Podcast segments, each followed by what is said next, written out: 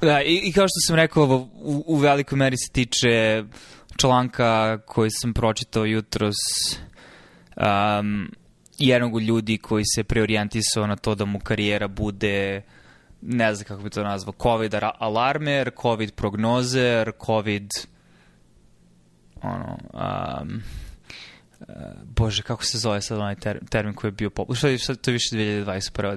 2020. kad je neko ono, znači sigurno. Um, COVID, e, fraza na srpskom ili na Ne, engleskom? ne, engleski termin, ali je više onako kolokvilan termin, ali koji je pos... Grifter. Grifter. Da, da, grifter, grifter. Um, I on, pogotovo ono što me u cijeloj analizi svega toga i možda da uđem u članak u detalje ako hoćeš, ali, ali više neki opšti komentar svega toga je znaš, du, duboko me rastužuje zato što uviđam komplikovanost ili kompleksnost a, problematike u komunikaciji a, znači neki način nekom epistemološkom čak nivou um, nečega što se smatra dovoljno dobro uzorko, uzorkovanim činjenicama i onda pravilnju priče kroz koju onda komuniciraš javnosti koji onda može da utiče na stavove javnosti po pitanju njihovog ponašanja koje treba ili ne treba da uzmu. Konkretno znači da li se nose maske, ne nose se maske, da li zatvoramo škole, ne zatvoramo škole, da li uzimamo četvrti booster, ne uzimamo četvrti booster, da li treba da se bojimo novog talasa COVID ili ne, što je sada nova stvar, nove, novog soja. Uh, I onda u svemu tome znam da je tebi jasno i znam da je meni jasno kada čitamo, kada neko piše te stvari i sećam se još kad si ti spominjao ono još IHH i kada je neko ono kačio nešto što je tebi posao neko od rodbine gde ono možeš da razumeš kako neko sa strane koji nema iskustvo iz biohemije to se može deluje kao vrlo stručna analiza zato što se služi žargonom uh, biohemije ali ima tačno dovoljno uh, nedovoljno dobro prikrivenih neistina ili dovoljno iskrivljenih stvari da onda se na tome gradi, na toj labovoj konstrukciji se izgrade čitave ogromne hipoteze i shvatiš da to nema neku validnost, ali kako onda to iskomunicirati? I ono što je najgore, kako ubediti neko ko već ima stav na tu temu i onda koji konzumira to, koji potvrđuje taj stav, zašto je ta stvar nije dobra, prvo netačna, a zašto generalno taj trend nije dobar? I drugo, da li ljudi koji učestvuju sve o tome, znači mogu da bude različite aspekti konverzacije, e, da ne širim previše u uvodu, ali koliko su oni svesni svega toga, koliko su svesni svoje odgovornosti, koliko im je pomoćen razum bez obzira što su inteligentni i posljede određenje stručnosti time što imaju postice koji od njih prave ljude koji imaju finansijski interes da nastavljaju da drže neku vrstu priče i kako uopšte onda pristupiti rešavanju svega toga. Prevaskodno u komunikaciji sa ljudima, a čega si ti bio skoro ono, lični svedok, a da to ne bude nenormalno stresna na krvi nož konverzacija kroz socijalne medije. Eto, to je... Da počnemo od osobe koja je pisala tekst koji si naveo, Erik Topol. Uh, on je sada COVID grifter, on je generalno medicinski grifter poslednjih desetak, 15 godina. Čovek je, uh, mislim, MD je, lekar je, ne sjećam se koja mu je specijalnost, ali mu je specijalnost u stvari da pokupi trend uh, koji je popularan u nekom trenutku uh, u spoju medicine i uh, novih medija, IT-a, interneta i da napiše knjigu o tom novom trendu koji je, dok on napiše knjigu, već postao stari trend, ali onda par godina koristi te medije da se pojavljuje, na, da, da, da promoviše svoju knjigu i te svoje nove ideje, dok ne uhvati neki novi talas novih ideja. Uh, dok sam, ne znam, bio fellow E, njegova knjiga tada je bila kreativna destrukcija medicine koja je pisala o tome kako će nove tehnologije, društvene mreže, opšta povezanost potpuno promeniti medicinu, oplemeniti je, poboljšati je. Uh, ono što se desilo je da je medicina nikada gora, sve više lekara odlazi zbog nepodnošljivih uslova, delom i zbog te elektronike i međusobne povezanosti i toga što pacijenti mogu u bilo kom trenutku da ti pošalju milion poruka u tvoj inbox na koje ti mora da odgovaraš bez ikakve nadoknade, za razliku od drugih profesija tipa lekara, ovih advokata, ne lekara. Um, tako da se ta njegova kreativna destrukcija medicine pretvorila u apsolutnu destrukciju, decimaciju, uništenje medicine. E, tako da me... Desetkovanje. Hvala. Jedan na jedan prevod koji ima srpski ekvivalent. Hvala, da. hvala, hvala. E, pretvorila u desetkovanje medicine. E, tako da je, da je zakasnelo dojahao na tom IT talasu i sada jaše na COVID talasu. I način na koji pristupa COVID-u je identičan način na koji je e, pristupao drugim temama koje je dotakao. Tako da je siguran sam ako pogledamo njegove tekstove iz februara 2020. Ne znam, od decembra do februara 2020. Siguran sam da ćemo naći, ako ih nije obrisao, tweetove o tome kako više treba brinuti o gripu nego o covidu i kako nema mesta panici i kako, i kako ljudi treba da ono, vezuju pojas u automobilima i da gledaju sa obe strane ulice pre nego što prelaze put, a ne da brinu o covidu da bi sada opet zakasnelo bio ogroman COVID a, a, alarmista i e, prorok, e, prorok propasti čovečanstva zbog e, izgubljene kontrole nad pandemijom. Tako da me taj njegov tekst ne iznenađuje ali hoćeš u detalje da uđeš u tekst. Mislim, ja sam ovlaš prešao i vidio sam par detalja koje ću, ono, re, kad, kad ih ti budeš spomenuo, reći da, to je, to je jedna od većih gluposti koje sam Pa, vidio. mislim, ajde samo okvirno i podelit ćemo link, pogotovo zašto prevashodno je do mene došla priča i opet, ali mislim da je bitan detalj, zato što mnoge priče tako dolaze i um, ono, uh, stepeni razdvajanja, degrees of separation, mnogo ih može biti u, u, na, u, u eri socijalnih medija. I do mene došlo kroz srpski izvor gde neko iz Srbije interpretirao quote tweet nekog PhD-a koji je okačio link ka Substack postu Erika Topola gde Substack post i opet ono što samo mene fascinira, neću uđem možda sad u tu analizu jer hoću samo da opišem tekst, ali je, znači, trebam nek, ipak neke ono sofističke veštine da upakuješ stvari na taj način da imaš dovoljno ono znači na plausible deniability, znaš da nisi u potpunosti ono totalni hack, ali opet treba da imaš dovoljno intelektualne neiskrenosti da na način na koji pišeš, a prevashodno vidim na osnovu načina koji se pišu tekste kako objašnjaju stvari, su, je namenjen za nestručnu publiku, to je za opštu, opštu populaciju. Uglavnom tekst je tiče znači novog uh, soja ovaj covida BA5 i priča o tome kako mo, ovo može biti još gori soj jer je još infektivniji i a, potencijalno opasniji i potencijalno vakcine koje imamo ne, ne daju dovoljno dobru a, zaštitu i samim tim treba da diskutujemo o tome da li treba boostovati ponovo ili FDA treba da razmišlja o odobravanju ili čak farmaceutska industrija da razmišlja o pravljenju vakcina na ovu novu varijantu. Um, Znači, to je neki ono okvirni oblik teksta sa gomilom nekih grafikona, prevaskono koji se, pritom čovjek nije virolog, ali koji stavljaju, nisi, nismo ni mi, pa smo komentarisali, ali uh, stavlja, stavlja, mislim, ono, filogenetska stabla, to je u redu. poređenje... Se, poređenje... mi se filogenetsko stablo, da. koje do, dosta ti lepo govori priču. A, i, to, ništa toga nije, I ništa toga nije neistina, ali problem je kad onda citira, rečimo, NHS, NHS, znači National Health Service, znači britanski izveštaj koji ima 37 strana, tako da nije veliki PDF je besplatan i dostupan i on ga je sam linkovao, tako da sam ga otvorio i od tih 37 strana, dve i po strane su o BA5 soju i prevazko oni imaju samo podatke gde oni rade sekvenciranje virusa i kažu kolika je učestalost u junu, ako se dobro sećam, bila znači u odnosu na ostale sojeve, koliko raste samo učestalost u procentalnom smislu, što raste, što je de facto, i kakva je demografska distribucija po polu i po uzrasima. Znači ima onu piramidu klasično, to jest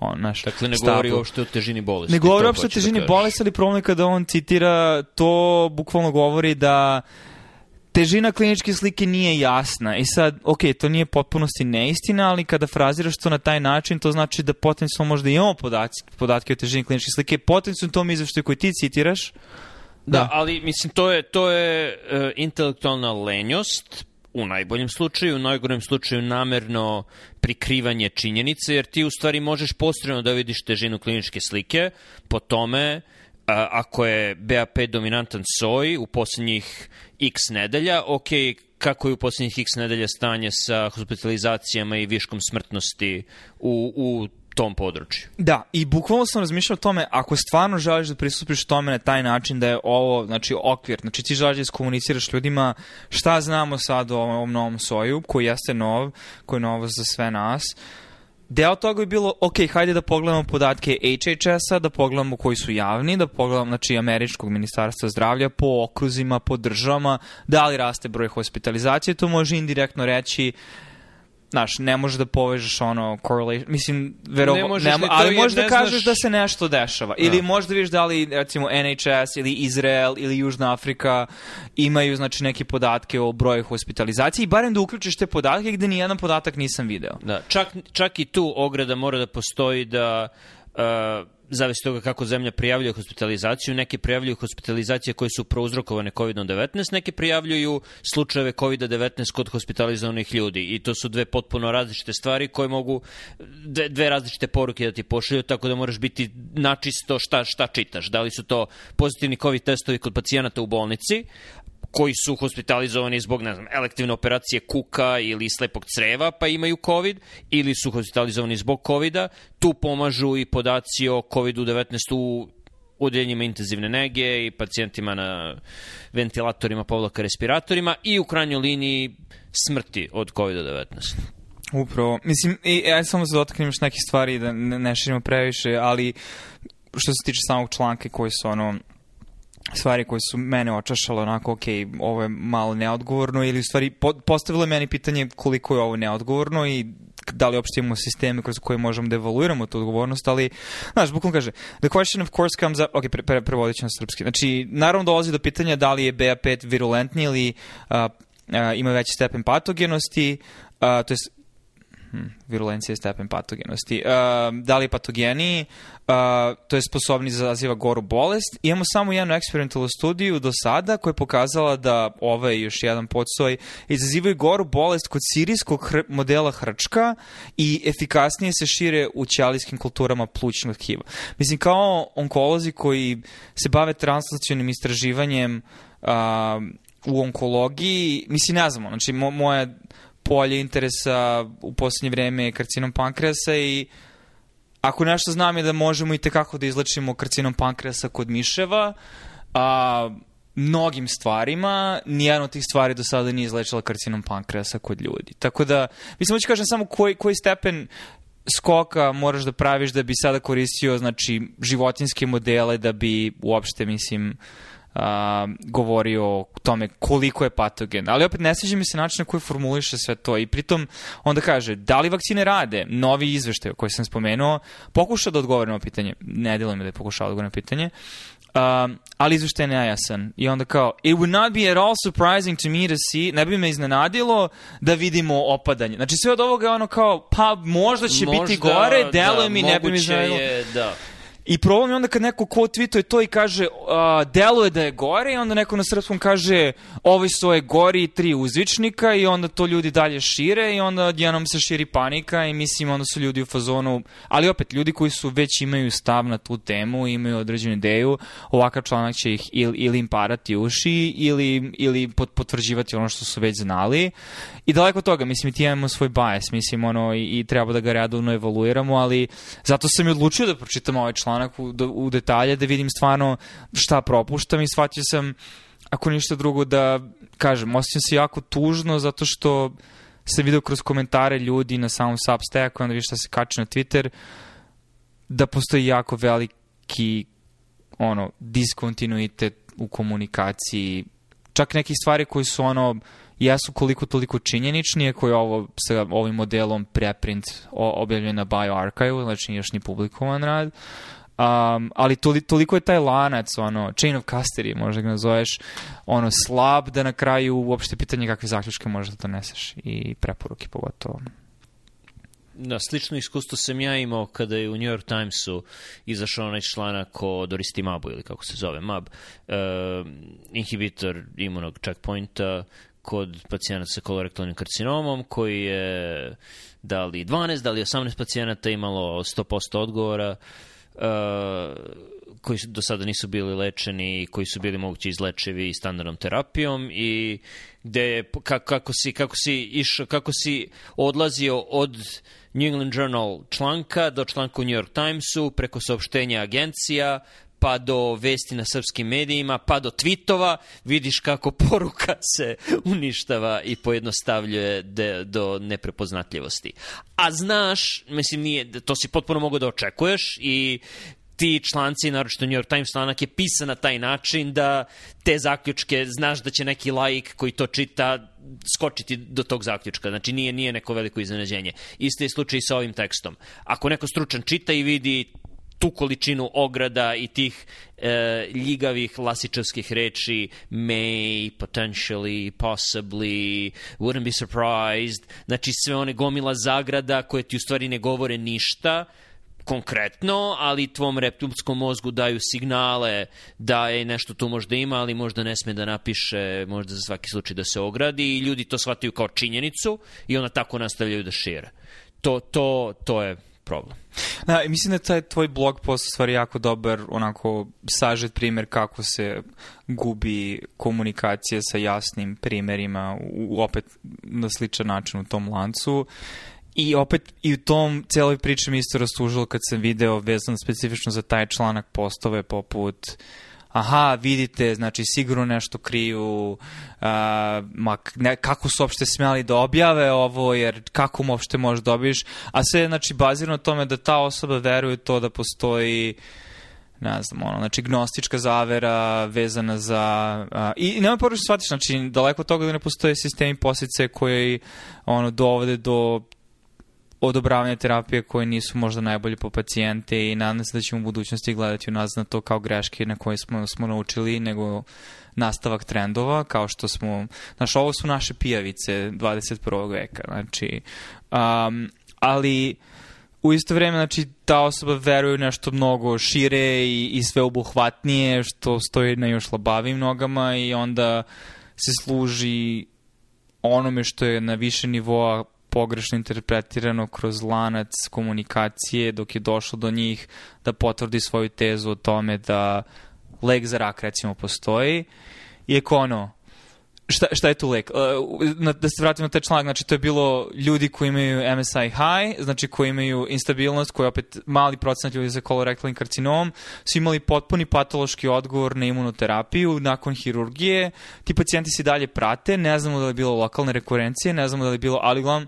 Kaže... Nisu imali hirurgiju, to je, bila, to, je, to je bilo jako dobra stvar da oni nisu, to je okay, bilo ali su imali potpuni patološki odgovor. Znači, potpuni mislim... odgovor, bez hirurgije izbegli su kolostomu, izbegli su zračenje, okay. izbegli su lošu terapiju i to su sjajni rezultati, to su super rezultati. Ali ono, nisu neočekivani rezultati, znajući kakvi su odgovori na druge immune checkpoint inhibitore kod metastatskih kolorektalnih karcinoma koji su MSI high, tako da... Dobro, ali, ali razumeš što hoću da kažem, znači da. to je ono podpopulacija podpopulacije u kojoj postoji novo indikacijno područje koje će potencijalno promeniti standard nege. Što je super vez za tih 0,5% ljudi za koje je primenljivo. Da, ali nije nešto što se može primeniti ne samo na čitavu populaciju pacijenta sa kolorektalnim karcinom, nego e, a kamoli na populaciju svih onkoloških pacijenata. I, to je jedna poruka iz ovog topolovog teksta, znači degradacija poruke, kako ideš od primarne literature dalje i o tome smo već pričali. Druga zanimljiva stvar mi je uh, nivo naučne nepismenosti ovog čoveka Topola, koji kao neku vest, ekskluzivnu, epohalnu, kaže da, BA5, jako loša vest, više izbegava imunitet. Pa ne, mislim, naj, da li je iznenađenje da najdominantniji soj nekog virusa u populaciji koja je ili vakcinisana 2, 3, 4 puta ili preležala 1, 2, 3 puta ili i preležala ili vakcinesala, da li iznenađenje da će najdominantniji soj biti onaj koji uspe da izbegne imunni odgovor? Mislim, to ti kao da kažeš, o ne, najnoviji soj gripa ove godine je drugačiji nego prošle godine izbegao imunitet koji su ljudi imali. Ili novi soj, kad bismo radili sekvenciranje na rinovirus, šta misliš koliko bismo našli imune evazije? Mislim, i opet, zato kažem, znači, nigde podataka da li ljudi umiru od toga, da li ima novih komplikacija, sve nešto kao haš haš, I onda ljudi, a, viralni meningitis, a, ovo, a on, mislim, ne kaže da ne postoje potencijalni signali u svemu tome, ali jako je uopšte teško doći, čak i neko ko ono, i upoznat sa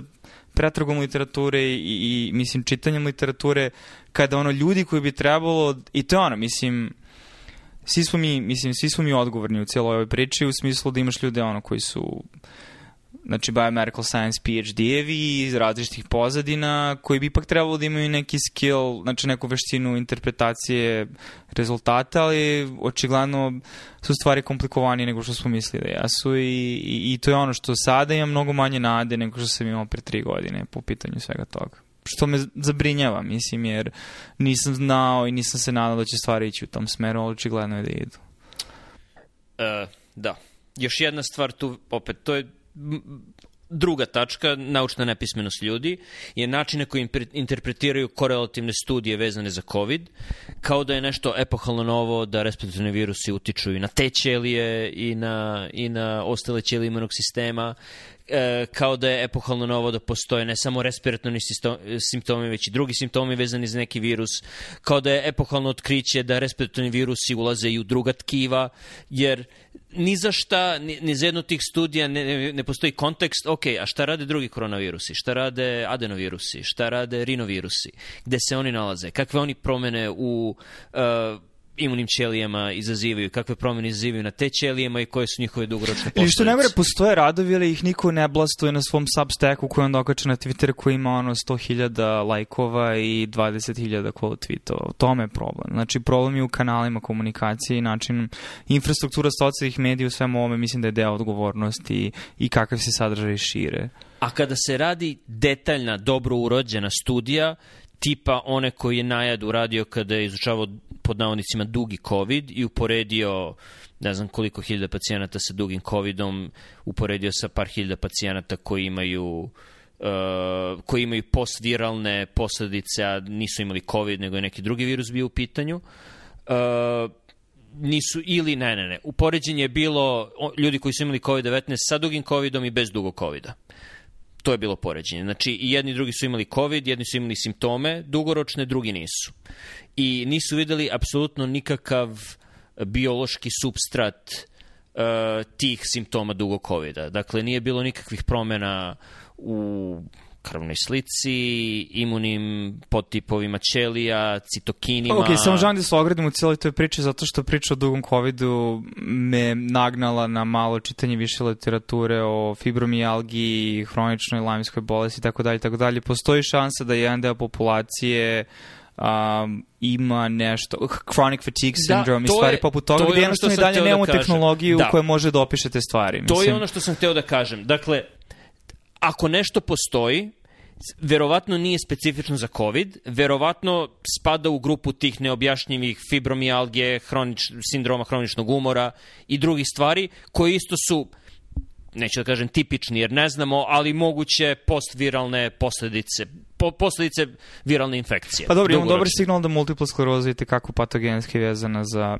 prethodnu infekciju Epstein-Barr. Znači, to je bio veliki rad u science koji je zašao. I sve više shvatamo koliko interakcije između imunog sistema i različitih uh, infektivnih agenasa u nekom trenutku mogu da dovedu do stvari koji imaju određen oblik nečega što sada nazivamo autoimunim oboljenjima, ko zna kako će ta etiopatogeneza i opšte ideja izgledati za 10-15 godina kada budemo više znali o svemu tome. I to me dovodi do treće tačke, pouka iz topolovog teksta. Uh, mislim da on jaše na talasu COVID je bauk, plašite se COVID-a, ne znamo ništa o COVID-u, tek saznajemo stvari o COVID-u i zato morate da budete jako pažljivi i obazrivi, ne znamo ništa. To je vest iz marta 2020. godine. E, dve i kusur godina kasnije znamo mnogo više o COVID-u. Možemo da ga svrstamo u ono, koji je virus i koje su generalno posledice i da znamo da nije katastrofalno, da znamo da je sada upao u onu pozadinu respiratornih virusa sa kojima, o kojima moramo da brinemo. Kao što smo pre pričali, uh, da li je svet bolji sada nego što je bio pre tri godine, nije definitivno je gori, jer je virus koji, tu je još jedan virus koji nije bio tu pre tri godine i moraš o njemu da brineš, ali ti nije napravio život deset puta gorim, nego ljudi koji su pod rizikom, sada su pod malo većim rizikom jer je taj virus tu, a ljudi koji nikada nisu bili pod rizikom da razviju te simptome, neće biti pod rizikom. I, i, i ova priča o, o, kada vidiš ovo filogenetsko stablo, to je u stvari ohrabrujuće, jer se nije delta koja objektivno izaziva mnogo težu kliničku sliku i od koje ljudi mnogo više umiru, nije delta krenula da se širi, nego je omikron krenuo da se širi koji, da, kada smo sad Omikron pustili u potpuno nevakcinisanu populaciju ljudi na svetu, da li bi izazvao Ili pomor? ljudi koji nisu preležali COVID. Ili ljudi koji nisu preležali, koji nisu imali nikakvo izlaganje tom virusu, da li bi to izazvalo pomor? E, da, naročito ako su to stariji ljudi, ali ne, mislim, Omikron ili BA5 ili BA27 varijanta će najverovatnije biti jedan od onih virusa kome su deca izložena kada krenu prvi put da se socijalizuju sa drugom decom, imaju zapušen nos, malo kijavicu, možda imaju dan ili dva temperature, ko ima decu znači da se to dešava bar dva, tri puta godišnje, da kada krenu u vrtić ili jastici ili gde god nosim je zapušen non stop i to će biti tvoje veliko izlaganje Omikronu i to će se držati, držat će se titrovi stalnim izlaganjem i to je to. Da li će neko dete koje ima predispoziciju da razvije možda neko autoimuno oboljenje ili nešto zbog izlaganja virusu, da li će baš COVID biti taj virus koji će izazvati nekakav hronični zdravstveni problem? Moguće i zbog toga kažem da je svet mnogo gori sada nego što je bio pre 3-4 godine, ali da li možemo od riblje čorbe sada da napravimo akvarijum? Ne možemo, možemo da zatvaramo koliko hoćemo, da se testiramo koliko hoćemo, da radiš gomilu stvari. Uh, nećemo moći od te riblje čorbe da napravimo akvarijum, nažalost, i zato bih pozvao na odgovornost rukovodstvo grada Wuhana, i, i Narodne republike Kine za ono što su napravili čovečanstvo? Ok, nekoliko stvari. E, prvo, ne želim da isključim da je apsolutno nemoguće da će neka nova podvarijanta, uključujući one koji pripadaju filogenskom stablu Omikrona, potencijalno biti daleko dramatičnije ozbiljna.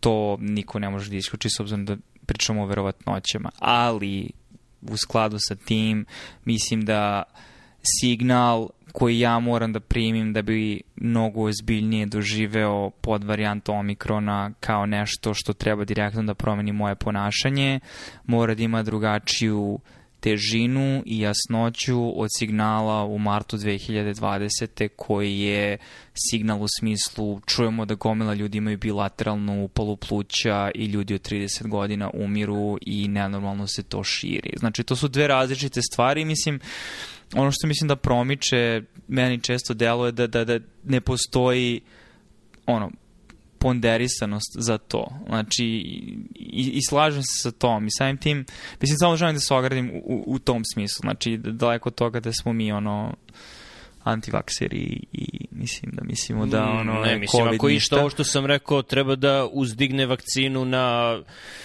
pijedestal najviši mogući jer, jer je on Mislim, vakcine su spasle desetine miliona života, bez Slažim sumnja. da. Znači, a, a druga stvar u svemu tome, znači, kad se spomenuo Wuhan, da, ali opet, ne znam smo to pričali jednom od podcastova, ali onaj Vanity Fair člana koji izašao i jako je dobar, dobro bi ga bilo okačiti Catherine opet. Eben, koji je pisala knjigu Bottle of Lies, koju sam čitao baš zato što ona je napisala taj članak u Vanity Fair. Da. Ok, cool.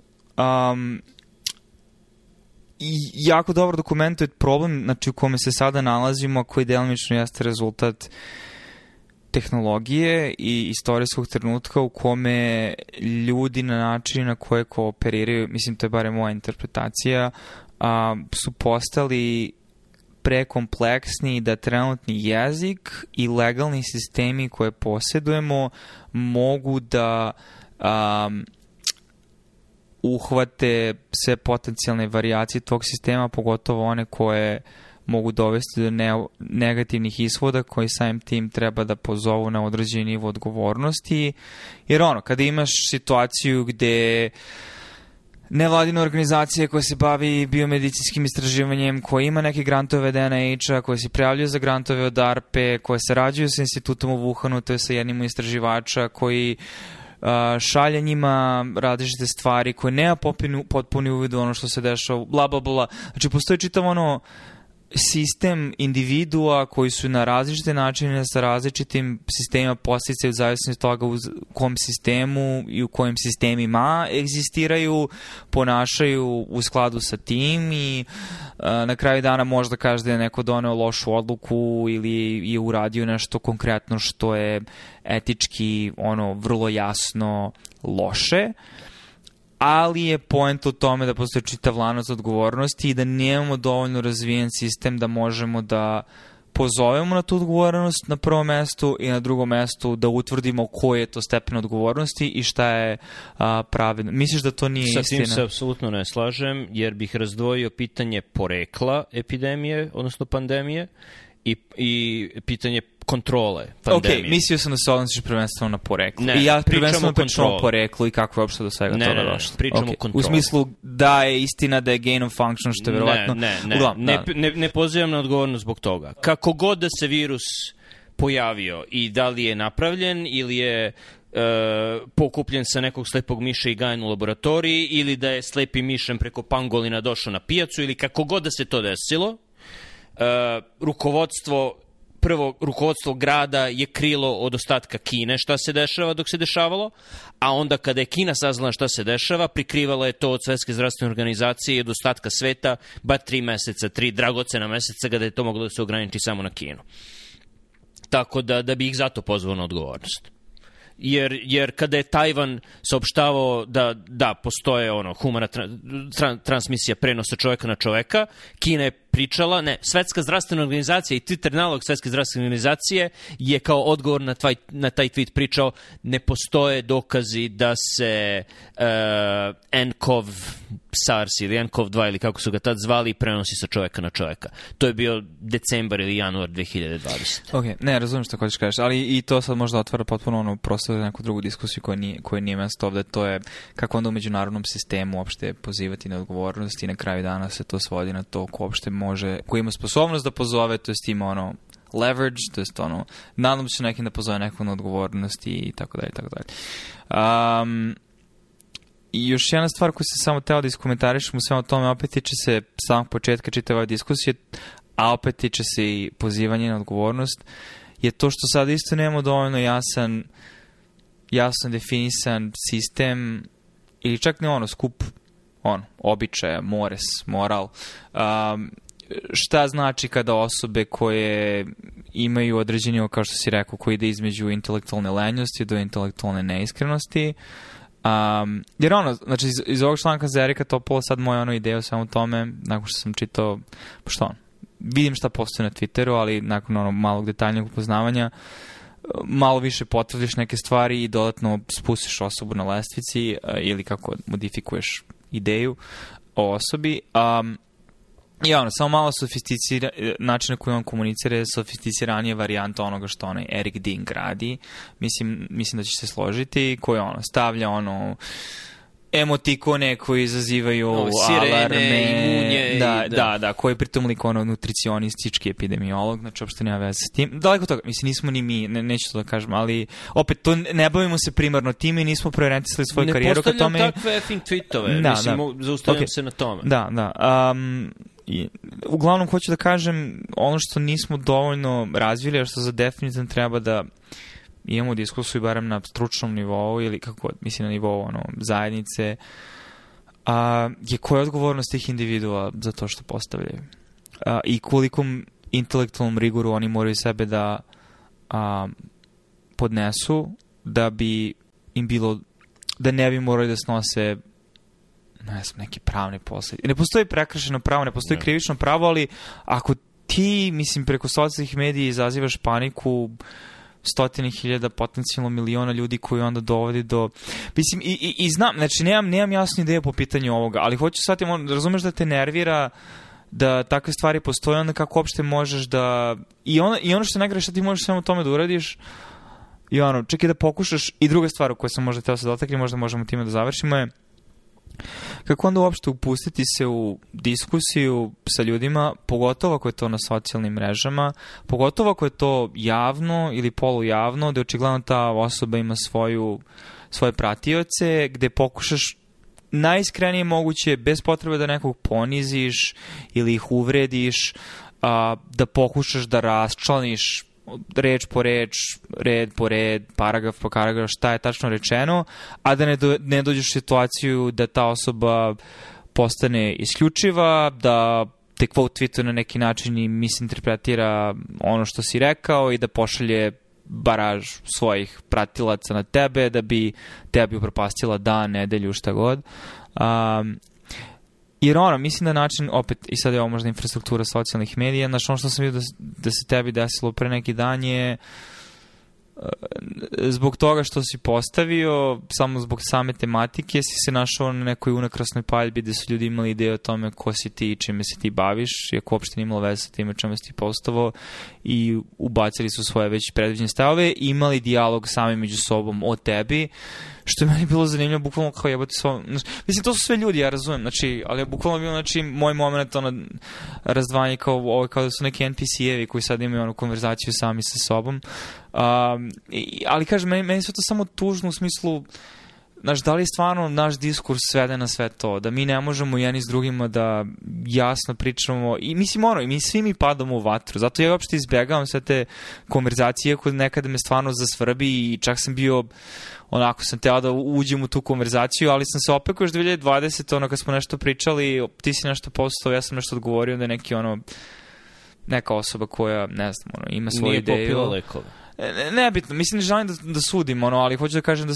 i onda shvatiš da, da je jako teško uopšte ono, raščlaniti, pogotovo ako nisi u istoj sobi sa tom osobom oči u oči i ne može, nemaš ostale signale, znači ono, ne vidiš kako se ponašaju, ne vidiš kako izgledaju, ne čuješ kako pričaju, znači sve su to bitni signali, mislim, ono, nego samo vidiš ono par redova reči koje stave, koji te kako mogu biti pogrešno interpretirani. I onda ne znam, e, malo pravim sam tangente, ali hoću kažem sve o svemu utisak koji mi se otima je samo neki ono kako uopšte razrešiti to, da li je razrešivo, da li je to razrešivo u nivou promene infrastrukture socijalnih medija, promene, promene sisteme posticaja, da li svi mi kao individu imamo odgovornost da budemo mnogo uh, intelektualno rigorozniji i ono razumniji u svim sferama našeg života uključiti inter, interpretaciju ono uh, dokaza ili postoji ono neka odgovornost strane različitih institucija ili individua koje to postoju i tako dalje i tako dalje. Generalno nisam nihilista, ali... To vrlo dobro znam. ali uh, mislim da, da sumnjam da su i Topol i Fail, Eric Fielding i bilo ko ko piše jako bih se iznadio da su bilo čije mišljenje promenili. Mislim da oni ne menjaju mišljenja. Mislim da generalno Twitter ne menja ničije mišljenje ljudi dolaze na Twitter da nađu ono što već znaju i što već veru, veruju i da lajkuju te stvari, uključujući ono što ja pišem. Znači, ne, ne, ne, ne, nemam nikakve iluzije da sam ja bilo čije mišljenje promenio. Ali ti redovno menjaš svoje mišljenje na Twitteru, ali tako?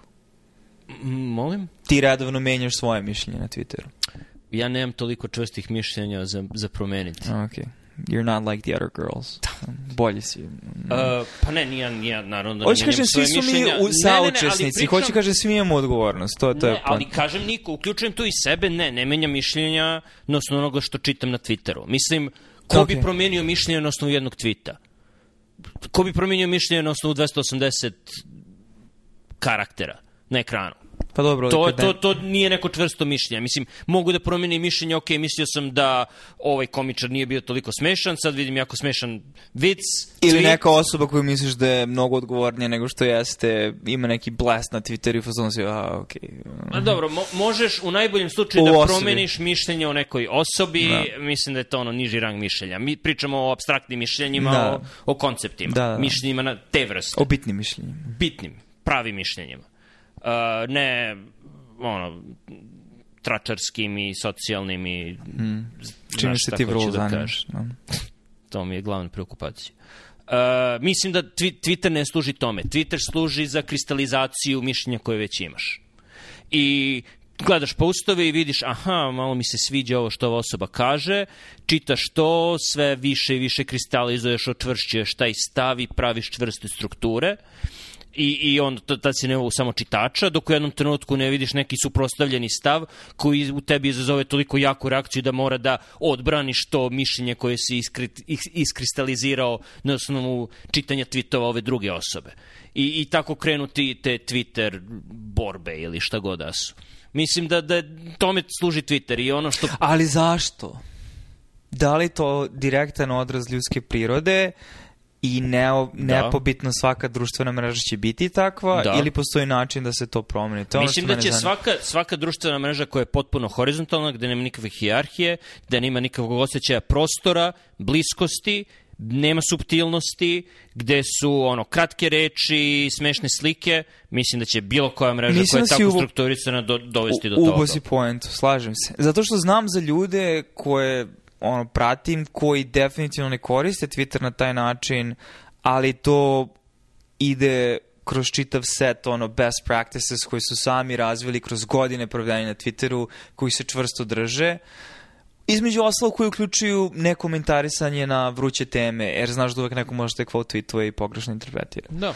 Tako da, da. I mislim da je to, mislim, ne kažem da je to bug, to je karakteristika i ano, nažalost Twitter ne dolazi sa uputstvom za upotrebu za one koji koriste i mislim da bilo bi lepo kada bi ljudi znali u što se upuštaju i šta se u stvari dešava. Mislim da to nije dobro ili loše samo po sebi, takvo je kakvo je, ali zato postoje druge stvari, mislim postoje uh, blogovi, postoje, mislim, Substack sada, Medium, što je nekad bio normalni blogovi, knjige, po, pošalješ članak, pismo uredniku, šta god, postoje medijum i za dužu komunikaciju kome je do toga stalo. Ali iznenađenje većini ljudi nije stalo do toga. Zato sam ja long na YouTube gde mislim da budućnost dobrog diskursa će biti jedan na jedan, ako ne možeš lično, onda preko Zoom kola, da sediš sa osobom i pričaš sat i po vremena, ne sa idejom da je to tvoj podcast, da ti neko dolazi i promoviše svoju knjigu, nego jednostavno samo pričaš sa njima,